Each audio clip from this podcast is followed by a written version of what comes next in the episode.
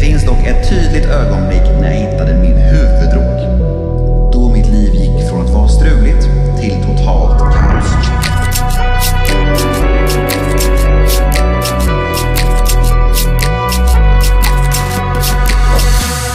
Ja, då vill jag säga varmt välkomna till Sveriges största podcast om beroende och medberoende. Den här podden heter En beroendepodd och mitt namn är Nemo Hedén och jag gör den här podden ihop med The House Rehab. Och vi försöker i den här podden att hjälpa människor kort och gott. Det finns mycket fördomar, missförstånd och förutfattade meningar om den här sjukdomen. Det finns så mycket myter och um, saker som behövs redas ut och det gör vi här vecka ut och vecka in. Och vi är så glada att ni är med oss och lyssnar och Eh, ja, att ni verkar uppskatta det vi gör. Det betyder så mycket för oss och eh, vi är tacksamma över det. Ni får gärna följa oss på Instagram. Där heter vi kort och gott en beroendepodd i ett ord. Och dit kan ni skicka mm, ja, önskemål på gäster och teman och allt sånt där. Och det tas emot med glädje.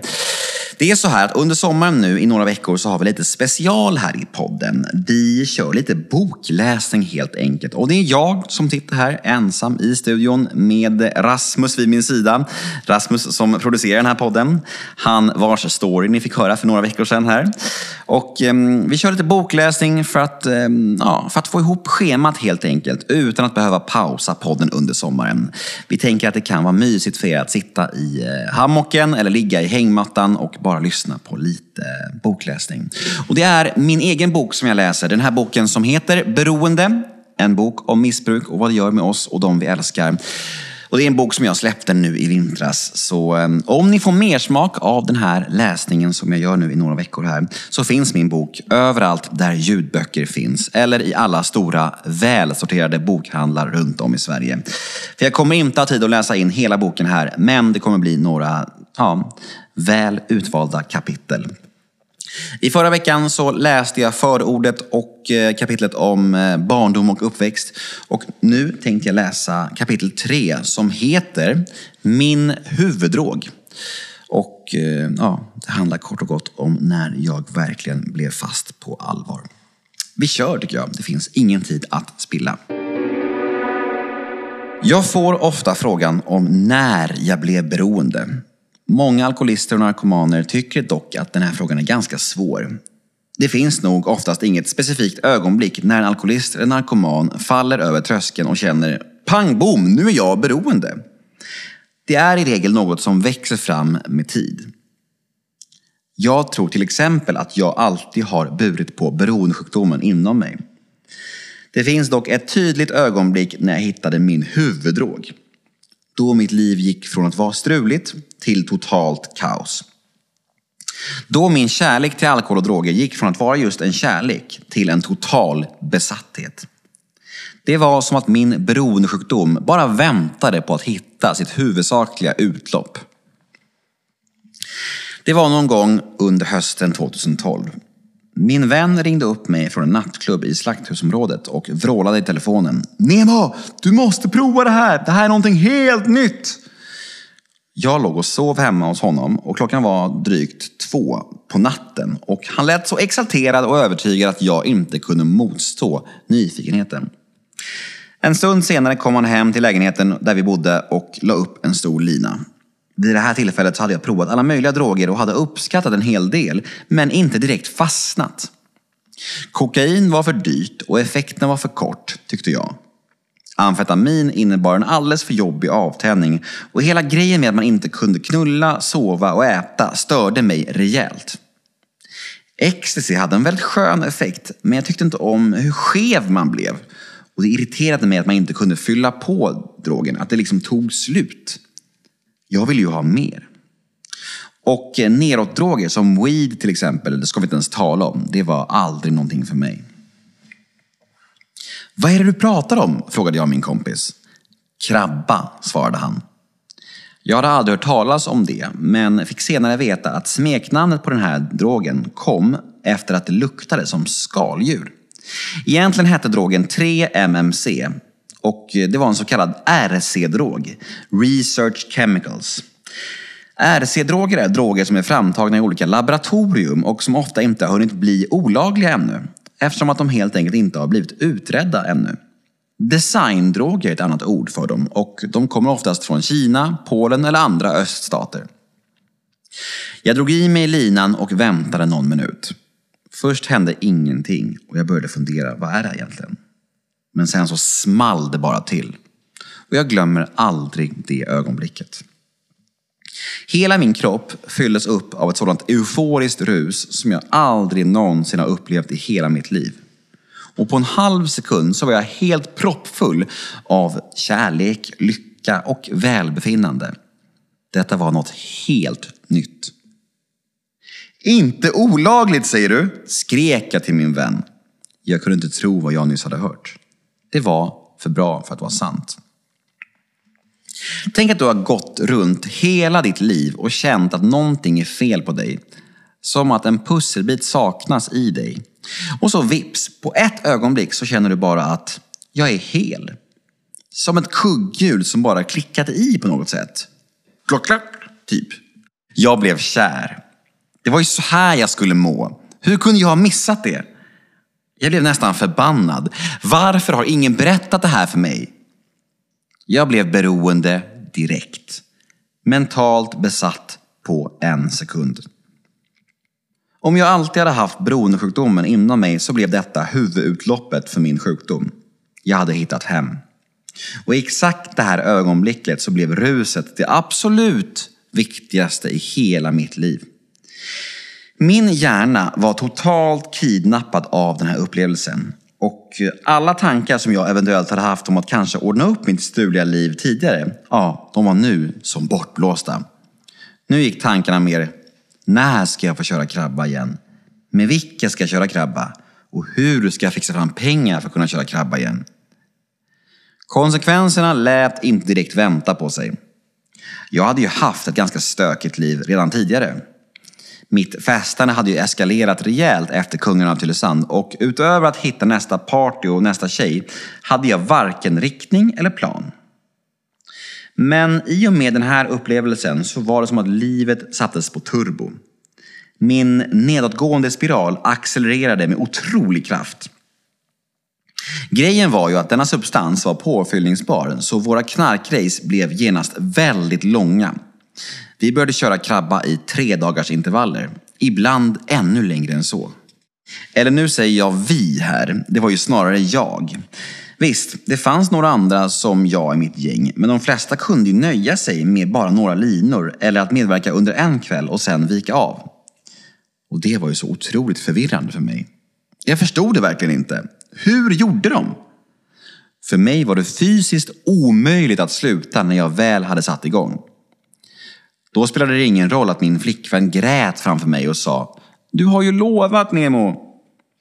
Det spelade ingen roll att min bror hade 30-årsfirande dagen efter. Det spelade ingen roll att jag var tvungen att åka kommunalt ut till Södertälje för att få mer droger. Och om pengarna bara räckte till droger för halva resan hem. Det spelade ingen roll. Jag bara körde på. Och idag förstår jag att det är just det här faktumet som ofta särskiljer en beroende från en icke-beroende. När det väl tog stopp för mig så handlade det oftast om att jag tuppade av, hamnade på beroendeakuten eller att det absolut inte gick att fixa några mer droger alls överhuvudtaget. Och när det här väl hände så hade mina kompisar gått hem för länge sedan. Ja, jag satt oftast helt själv under de sista dygnen. Flera dygn utan sömn, mat eller någonting. Bara sprit och krabba. Det blev min standard direkt. Och då kan ni ju tänka er hur dåligt man mådde efteråt när man hade tömt hela sin kropp på dopamin och serotonin. Avtändningen var ett helvete. Men varje gång avtändningen började avta så utspelade sig exakt samma scenario. Det var som ett ekorrhjul, eller en hackig dålig skiva om man så vill. Så fort jag började må lite bättre så fick jag en idé om att ta en öl. Och en öl blev alltid flera öl för mig. Och så fort jag hade fått i mig flera öl så fick jag tunnelseende och var då tvungen att få krabba upp i min näsa. Jag gick över lik för att få det när väl besattheten hade byggt bo i min skalle. Visst, man kan tänka att jag borde ha kunnat se hela filmen vid det här laget. vad en öl innebar för mig. Men jag kunde inte det. Jag var så sjuk. Ni kan också tänka er hur livet utanför huset såg ut.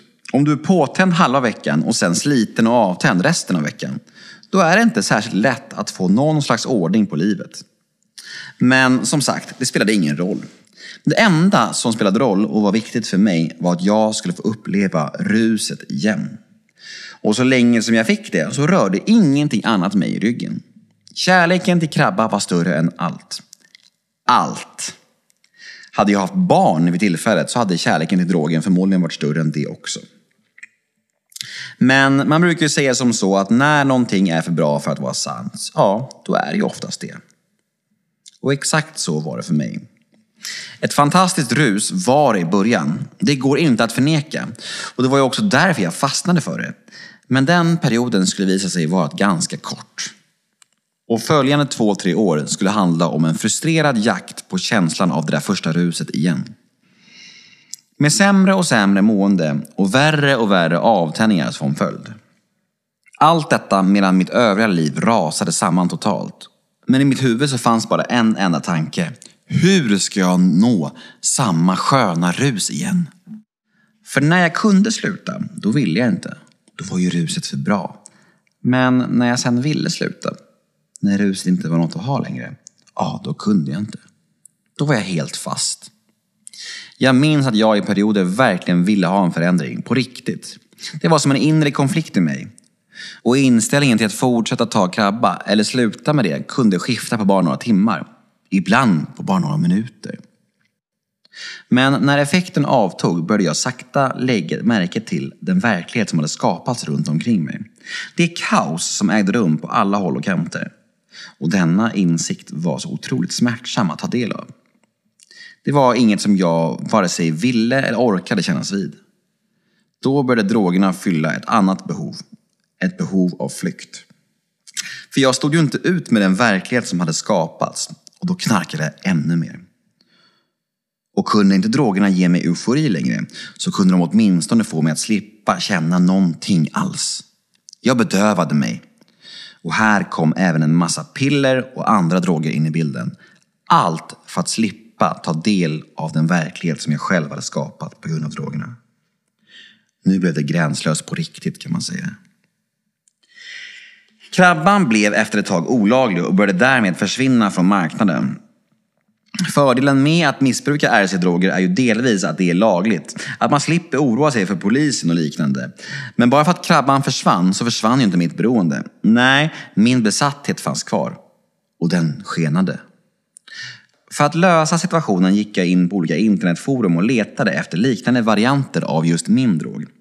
Det var lite så det fungerade. När en variant blev olaglig så framställdes det ofta en ny på samma laboratorium. De ändrade bara på en molekyl och vips så fanns det en laglig variant som påminde om den gamla. Och mitt mål var alltså att hitta detta. Jag beställde hem alla möjliga preparat från internet. Jag var långt från kräsen. Jag ville bara bort från min egen kropp. Bort, bort, bort. Och det räckte med att en enda person på Flashback sa att det fanns en viss likhet mellan den nya substansen och krabban, så beställde jag hem det på studs.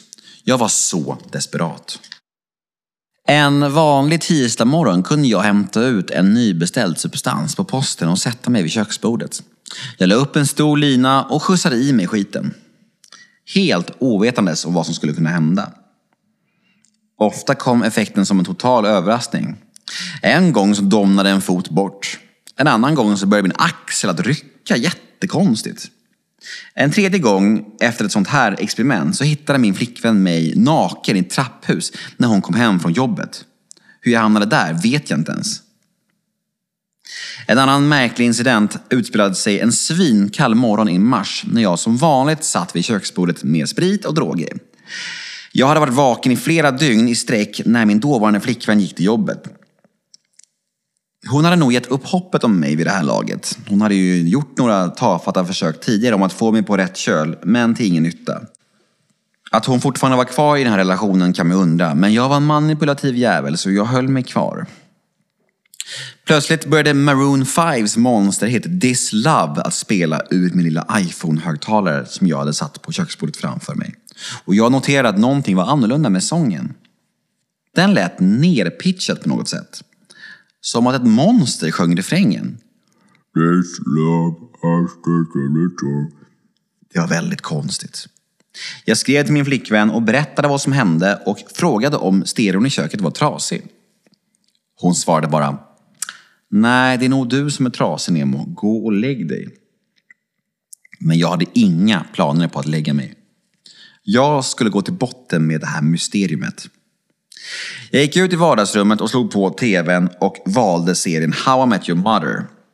Där finns en karaktär som heter Barney och samma sak hände här. Hans röst var mörk, nerpitchad.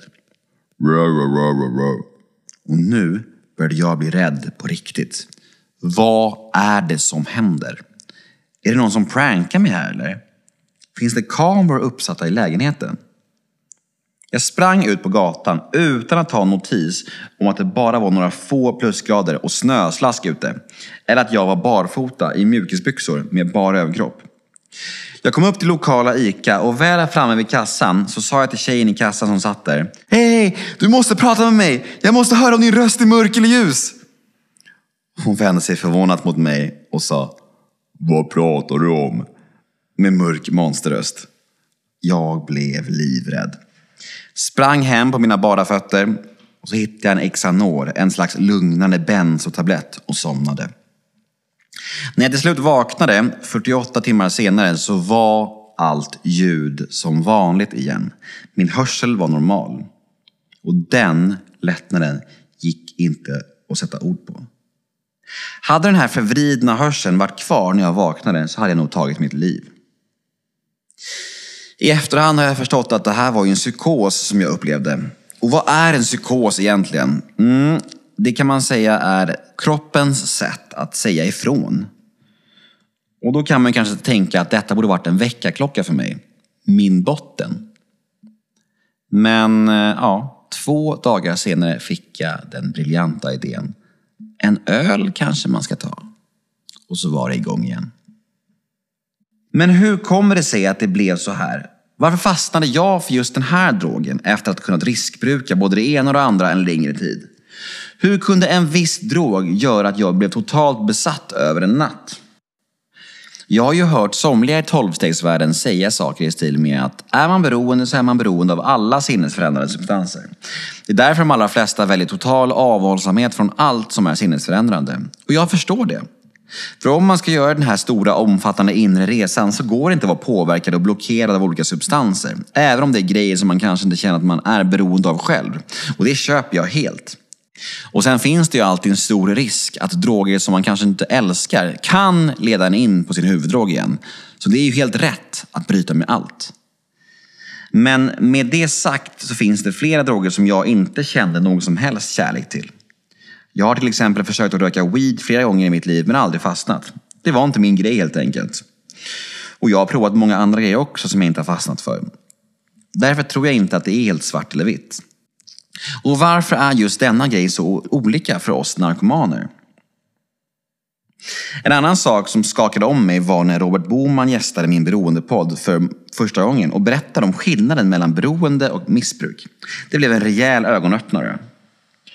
Och då bör det ändå tilläggas att jag har varit nykter i drogfri i många år när jag fick den här informationen. Robert berättade för mig att man kan missbruka under en period utan att utveckla beroendesjukdomen. Men när man väl har utvecklat beroendesjukdomen så är det the point of no return.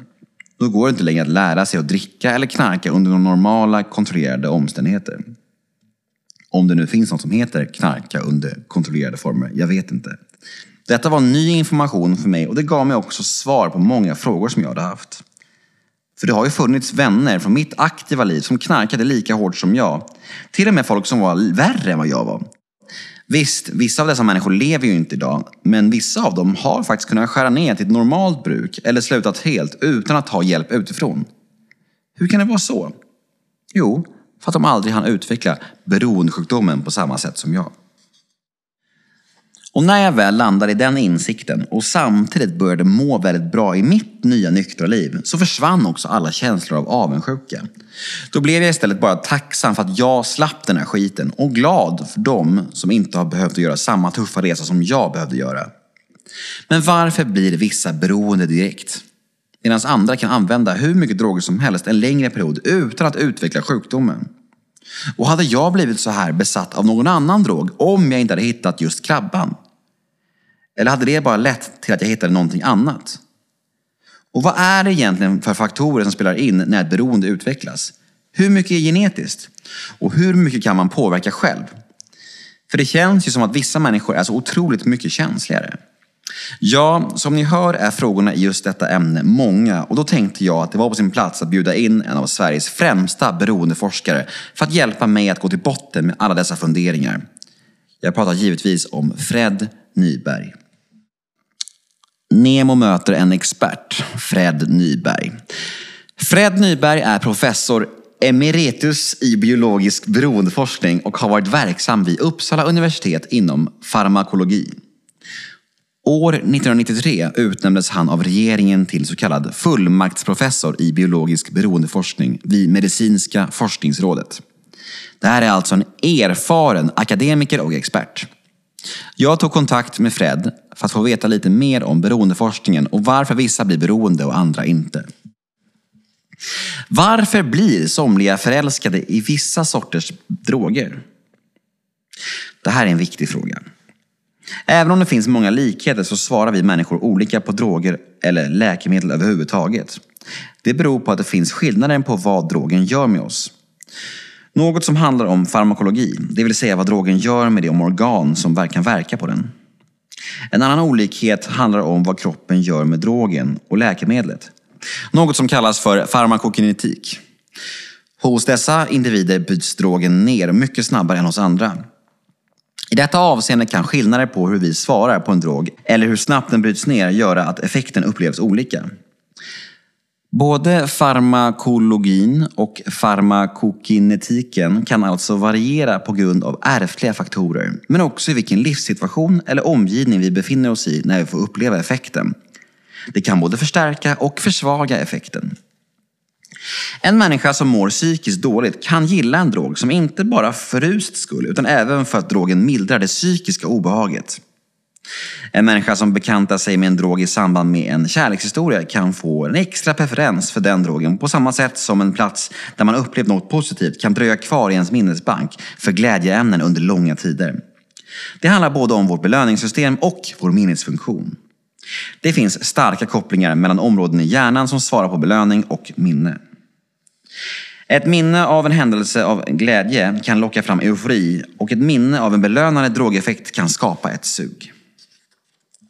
Beskriv hur de olika drogerna verkar i kroppen. Olika droger bidrar till olika effekter. Till exempel ger kokain en snabbare påslag och går snabbare ur kroppen, vilket gör det mer beroendeframkallande. Många älskar kokain för den ger enormt rus och kombinerar den gärna med alkohol som förstärker effekten. Amfetamin och metamfetamin har liknande effekter som kokain på dopamin och ger starka centralstimulerande effekter, vilket förutom en ökning av det euforigivande dopaminet medför ökad vakenhet och skärpa samt ökad sexlust, i motsats till heroin som inte bara ger stark eufori och känsla av välbehag, utan även skön avslappning och dåsighet. När drogen går ur kroppen uppstår dock obehag, vare sig den rör sig om kokain eller heroin. Personer med nyfikenhet och experimentlusta kan lockas till droger som ger hallucinogena och entaktogena effekter. Det kan då handla om till exempel LSD eller ecstasy. Ecstasy förstärker inte bara dopaminet och ger eufori utan även serotoninsystemet som ger upphov till entaktogena effekter. Det vill säga att individen upplever en stor glädje av närhet och vill ta hela världen i sin famn. LSD kan tas med avsikt att påverka hjärnan så att dörrar öppnas till tidigare slutna rum i individens medvetande. Drogen ger oförutsägbara upplevelser av både skräck och välbehag och kan ge individen en föreställning om att lämna vanliga kroppsliga begränsningar. Man kan således göra så kallade trippar in i det översinnliga och okända. Även här är serotoninsystemet inblandat. Spänningen ligger bland annat i att man inte riktigt vet var man hamnar. Många gillar de här tripparna medan andra inte gör det alls. På sikt kan dock serotoninets nervceller skadas vilket medför psykiska problem vars grad även i det här sammanhanget varierar från en individ till en annan. Droger som till exempel Nemos huvuddrog krabba ger starka effekter på både dopamin och serotoninsystemet. De flesta individer som utvecklar beroende hamnar dock i ett så kallat blandmissbruk. Det vill säga att man vid sidan av sin huvuddrog använder mycket annat som ger kickar. Det kan också handla om att ta en drog som förstärker effekten av en annan. Vanligt är att effekten av till exempel heroin förstärks av bensodiazepiner, vilket kan medföra stora risker. En annan blandning som kan bestå av kokain tillsammans med heroin eller en annan opioid, till exempel vad man kallar speedballs. Även detta kan medföra stora och livshotande risker. Man bör alltså vara medveten om att även om dessa individer enligt ovan angivna faktorer kan ha en stark preferens för en viss drog så är det i flesta fall vanligast med blandmissbruk. Stor betydelse för upplevelsen av en drog har alltså att göra med under vilka omständigheter och vilken drog man börjar med och dess tillgänglighet. Men även ålder och kön spelar in. Vissa personer kan använda droger mer sporadiskt än andra. Ofta för att de befinner sig i en omgivning där man kan möta andra stimulerande faktorer som förstärks vid tillfälliga drogintag. För personer som lever i socialt utsatta situationer och i utanförskap är det lättare att mer ensidigt fokusera på droger och finns då en ärftlig sårbarhet. Och finns det då en ärftlig sårbarhet så är risken för beroende stor. Är beroendesjukdomen verkligen en sjukdom? Ja, att fastna i ett beroende innebär att drogen eller beteendet har framkallat en patologisk förändring, en snedställning i hjärnan som berör såväl områden kopplade till belöning, stress, minne som övriga kognitiva förmögenheter. En drogframkallad förändring som man har kunnat bekräfta med hjärnavbildningstekniker. Graden av sjukdom kan variera mellan olika individer. En bra jämförelse är diabetes eller högt blodtryck. Det vill säga sjukdomstillstånd som förvärvats genom ohälsosamt leverne, men också på grund av ärftlighet. Kan man lära sig att dricka, ta droger på ett kontrollerat, normalt sätt när man väl har utvecklat ett beroende? Eller är det total avhållsamhet som gäller? Den här frågan har jag fått av journalister vid ett antal tillfällen. Man pekar på att det finns många som har använt kokain och andra droger livslångt och ändå har klarat sig från att hamna i träsket. Då brukar jag svara att så kan det nog vara för all del. Men glöm inte det indiska talesättet att även den mest skickliga ormtjusaren dör till slut av ett ormbett. Men det kan också vara olika från en individ till en annan. Vissa individer som har problem med överkonsumtion kan bli hjälpta. Men har man väl fastnat i ett beroende, alltså det vi kallar alkoholism, så bär man på en förändring som gör att det är svårt att kunna gå ner i lägre konsumtion. För dessa individer talar allt för mycket för att total avhållsamhet är det enda effektiva sättet. Sedan finns det ju alltid anhöriga med i bilden som far illa av att bara se flaskan hos den som har haft så stora problem och som ställt till så mycket genom just dessa problem. Hur lång tid tar det för hjärnan att återhämta sig efter ett allvarligt substansmissbruk? Även här behöver jag svara att det kan vara olika från en individ till en annan. Det beror dels på hur tidigt individen börjat med droger, hur länge användningen har pågått, dels på vilka doser som intagits och vilken typ av droger som det handlar om. Men det finns studier som visar på att det kan ta veckor och upp till månader när det gäller exempelvis dopaminsystemets återhämtande. Medan det i vissa fall kan handla om en livslång förändring. Du blir alltså kanske aldrig helt densamme. Sedan finns det individer som redan från början har en känslighet i hjärnan som gör det lättare att hamna i ett beroende. Man får heller inte glömma att det inte bara är avhållsamhet från drogerna som gör att hjärnans signalsystem förändras till det bättre. Kombineras denna med vissa behandlingsstrategier, både psykologiska och medicinska, så kan detta förstärka återhämtandet. En alternativ belöningsstimulerande upplevelse som till exempel kärlek kan bidra positivt.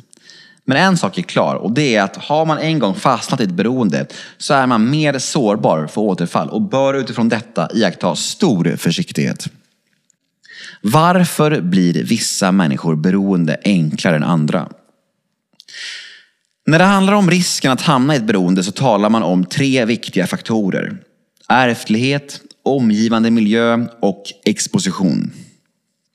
Ärftligheten handlar om gener som man får via sina föräldrar. De gör att individen utvecklar en personlighet som är mer sårbar. Miljön handlar om uppväxtförhållanden, till exempel fattigdom och utanförskap. Stress, och kompisar. Den tredje faktorn är själva expositionen. Det vill säga vad som händer när drogen kommer in i hjärnan. Sedan kommer ju också samsjukligheten in. Både miljön och ärftligheten kan ge upphov till psykiatriska tillstånd som gör individ mer sårbar att utveckla ett beroende. Till exempel visar studier att ungdomar som kom in på Maria Ungdom för problem med droganvändande hade innan de började ta droger flera psykiska diagnoser som depression, personlighetsstörning, ångest och ADHD. När det gäller genetiken är det dock viktigt att förstå att det inte handlar om dåliga gener utan snarare om sårbara gener. De gener det handlar om skapar en personlighet som är mer nyfiken, mer belöningsberoende, mer impulsiv, mer benägen för risktaganden än genomsnittet. Alltså en person som samtidigt utan droger kan bidra med nytänkande, innovativa och produktskapande saker i samhället. Sedan är det ju avgörande i vilken ålder man befinner sig i när man börjar ta droger. Den som börjar med cannabis och alkohol före 15-årsåldern löper 5 till 6 gånger större risk att fastna i ett beroende än den som börjar ta efter 18 år. Vad skulle du som utomstående högt uppsatt forskare säga är fördelarna och eventuella nackdelar med 12-stegsprogrammet? Fördelarna är som med så många andra behandlingar att den styr till delaktighet och medvetande om att man fastnat i ett sjukdomstillstånd. I 12-stegsprogrammet ses således alkoholism som en kronisk sjukdom som kan hejdas genom erkännande, acceptans och helnykterhet. Den rekommenderas av Socialstyrelsen och inkluderar behandling med läkare, psykologer, socialarbetare och även präster eller pastorer. Programmet innebär att den behandlade individen får möta andra i samma situation och ventilera samt inspireras att börja ta ansvar för sitt tillfrisknande. Det bör framhållas att tolvstegsbehandling i Sverige inte utesluter läkemedel, även om det från vissa håll förordas en behandling utan hjälp av läkemedel. Till för eller nackdel för den behandlade finns även en andlig och filosofisk sida i processen som syftar till själslig utveckling och styrka. Hos individer med öppenhet för ett andligt perspektiv är detta ett steg fördelaktigt då man kan uppleva att man kan få hjälp och dela sin börda med högre makt. Något som varit en befrielse för många. För individer som har en ateistisk livssyn kan detta upplevas som belastande. Men då finns enligt metoden en möjlighet att placera något annat i 12 steg 2 som accentuerar den andliga delen.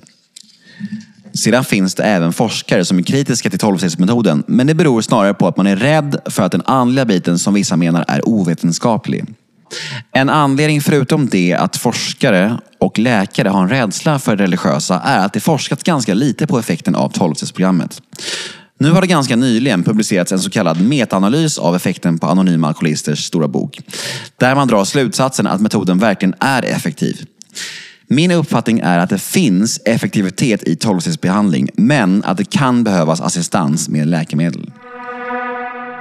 Mm, mycket intressant att ta del av Freds svar här. Och innan vi hugger tag i min reflektion så ska vi köra lite The House svarar. Då har jag fått sällskap av eh, Anna och Alicia från The House Rehab. Vid min vänstra barm har jag Anna. Hej Anna! Hej Nemo! Hej, du ser somrig ut. Ja, det är ju sommar. Ja, det är det verkligen. Det är sommar, så tack och tack detsamma. Mm, härligt. Mm. hej Alicia! Hej, hej. Ja, Anna ser faktiskt väldigt eh, somrig ut idag. Hon matchar vår, vår inredning på kontoret väldigt fint också. Mm, när, får, när får vi se dig i en somrig klänning, Alicia? Ja, när jag har brunare ben som Anna. Då händer det. Ja, jag förstår. Ska vi försöka sprida lite kunskap och hopp ut i stugorna? Ja, yes. det tycker jag. Då kör vi. Veckans fråga lyder så här. Hej bästa ni. Jag har en komplex relation till alkohol och droger och gör med jämna mellanrum försök att bli clean. Varje gång jag gör det så bygger jag upp mitt liv igen, men sen börjar jag dricka igen och när jag känner att allt har ordnat upp sig så gör jag de här misstagen. Då känns det liksom lugnt när jag har byggt upp allt, men det är ju inte lugnt för allt rasar igen. Hur gör man för att bibehålla förändringen? Ja, den här tycker jag jag hör väldigt ofta av eh, våra klienter och även folk i, i tolvstegsprogram eller överlag. Att man bygger upp och raserar, bygger upp, raserar. Um, och det är väldigt frustrerande att hela tiden ha det så i sitt liv. Och jag kan höra mellan raderna i den personen som har skrivit det här också att det är. Ehm, men nu vet jag ingenting om vad den här personen har fått för verktyg innan eller har fått någon typ av hjälp. Och jag tänker att få verktyg som är hållbara vilket man kan få i terapi eller i tolvstegsvärlden också. Att man eh, får verktyg för att hantera vardagen och att det ska faktiskt hålla på lång sikt också. Att inte bara sluta tvärt för att man bestämmer sig för det och sen kommer man tillbaka på ruta ett igen. Eh, att man, har, att man gör någon annan typ av förändring som håller på lång sikt helt enkelt. Eller hur Anna? Mm. Ja, exakt. Jag tänker vilken typ av hjälp du än får så är det lite som att eh, om jag ska gå till gymmet till exempel för att jag vill ha starkare armar, större rumpa, mer sixpack-magen. Så behöver jag kanske jobba väldigt, väldigt intensivt i början.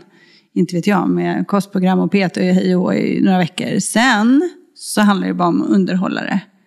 Då trappar jag väl ur och så går jag dit en eller två gånger i veckan. Nu är inte jag någon PT eller gymexpert här, men jag tänker att det är ungefär på samma sätt med det här. Att oavsett om jag går på toastingsmöten eller om jag kommer hit och går en behandling eller någon annanstans och får samtalsstöd så eh, när det är slut så handlar det om att ha en bibehållande plan. Eh, för att Ja, men om man tittar på tolvstegsprogrammet till exempel så är stegen 10, 11, 12 de som är våra levnadssteg, alltså som förhoppningsvis ska följa oss re, eh, liksom resten av livet. Och det är inga större ansträngningar utan det handlar om att hålla någon slags emotionell hygien. Liksom. Att varje dag se över lite, ehm, ja, se över mig själv, mina beteenden och känslor. Ehm, så äh, ja, att göra en jätteinsats och sen bara släppa och liksom hoppas på att det håller, det, eh, då förstår jag att det raseras igen. Så det handlar liksom om så här, okej, få verktygen som finns förhoppningsvis. Och finns inte de där man söker hjälp, då tycker jag man ska efterfråga det. Okej, jag vill göra den här stora satsningen och investeringen i mig själv, men jag vill också ha, känna mig trygg när jag lämnar eller liksom åker härifrån eller slutar här efter sex veckor eller sådär. När jag gjorde min behandling för nästan åtta år sedan så fick jag höra från terapeuten där att det är ett av de vanligaste missförstånden. Att folk tror att de kan göra en behandling och bli friska. Liksom. Eh, Så de där eh, var väldigt noga med att verkligen trycka på att man blir inte frisk från beroendesjukdomen, men man kan leva i tillfrisknande. Ni, Ja. måste, ni får en, en light genomgång genom stegen här, men ni ska ut och göra dem grundligt sen i tolvstegsvärlden. Liksom. Ja. Och trycka på det. För jag tror att det är lätt att missförstå det, även, även fast man har hört det. Mm. Känns här, ah, jag gör en behandling, då är jag frisk sen. Liksom. Men det funkar inte så riktigt. Nej, och det funkar ju väldigt sällan så med någonting annat egentligen. Alltså tandläkaren går vi till kanske en gång i veckan tänkte jag säga. Det gör vi kanske inte. Men En gång i veckan? En gång om året. Gör inte ni det? Nej. Men andra saker i livet underhåller vi. Så Mm. Ja. varför skulle vi inte göra det med det här? Det är det. Alltså att, ehm, och som sagt, det- det, lilla vi behöver göra varje dag, det är inga större ansträngningar utan snarare en möjlighet att få fortsätta utvecklas och som sagt bibehålla nykterhet. Och eh, för att eh, damma av en sliten tolvstegsklyscha också, avslutningsvis. Beroendesjukdomen är den enda sjukdomen som säger till att du inte är sjuk. Just det. Ja. Precis. För lite så är det ju, om man liksom inte gör det man ska under för lång tid. Så det är ju viktigt att, att påminna sig själv, och det gör vi antingen då i terapier eller i, på möten och så. Mm. Jättefint. Eh, och om man vill komma i kontakt med er då, i, i sådana här ärenden kanske, hur gör man då? Nej, men då kan man kontakta oss på mail via sandra.thehouserehab.com eller Eller via alicia at thehouserehab.com. exakt. Det går också eller- bara att ringa. Ja, man kan ringa oss och våra telefonnummer står på hemsidan. Vad bra. Mm. Och nu ska jag beställa ett tandläkarbesök i veckan här, som Anna. Ja. Tack för idag! Tack, tack! Mm, tack för den kloka lyssnarfrågan. Hoppas du är nöjd med ditt svar. Jag sitter här och läser bok och vi har nyss lyssnat på eh, Fred Nybergs kloka svar i kapitlet som handlar om huvuddroger och varför vissa blir så ja, besatta av vissa droger och varför vissa kanske ja, faller för allt möjligt. Nu ska vi läsa min reflektion som jag skrev utifrån Freds svar. Framförallt tycker jag att det är intressant att höra någon utomstående prata om för och nackdelar med 12-stegsprogrammet eftersom att det lätt kan bli så att vi som blivit frälsta gärna försvarar modellen med näbbar och klor medan motståndarna gärna hittar fel och problem med det. På så sätt känns Freds svar nyanserade och väldigt välkomna. Freds tankar om varför man blir beroende fascinerar mig eftersom att jag alltid har betraktat mig som en sån där klassisk beroendemänniska. Och då har jag utgått från att jag kommer att fastna för allt som man kan fastna för. Och visst, jag har ju alltid haft en tendens att hocka på grejer jag gillar. När det är sånt jag tycker om. Då blir jag ju helt fast.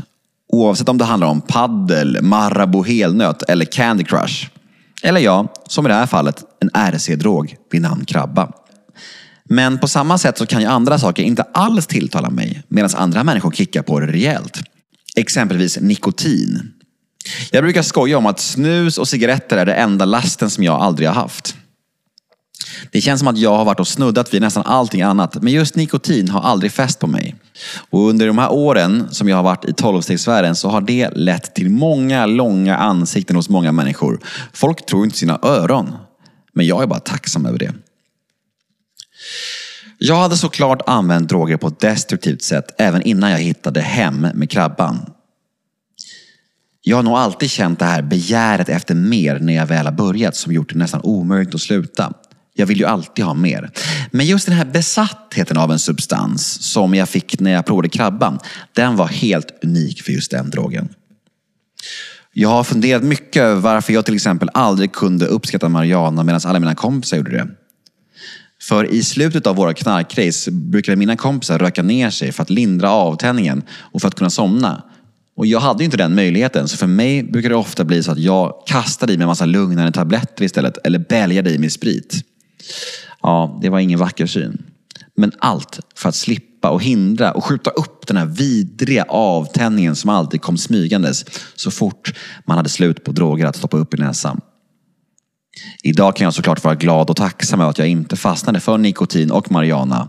Skönt att slippa några utlopp för min beroendesjukdom i alla fall. Det där var alltså min reflektion av kapitel nummer tre i min bok som handlar om min huvuddrog.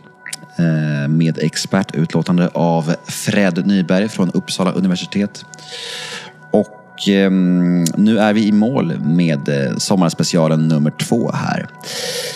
Ni får jättegärna följa oss på Instagram. Där heter vi kort och gott en beroendepodd. Ni får jättegärna skicka recensioner och betyg på er poddspelare, vart ni än lyssnar på podd. Om ni lyssnar på Apple eller Acast eller vart ni än lyssnar. Det är alltid uppskattat när ni lämnar sån feedback till oss. Och Eh, jag hoppas ni tycker om den här sommarläsningen. Vi hörs igen nästa vecka och njut nu av sommaren och ta hand om er och ta det lugnt med eh, sponken så hörs vi igen nästa vecka. Puss och kram, hejdå!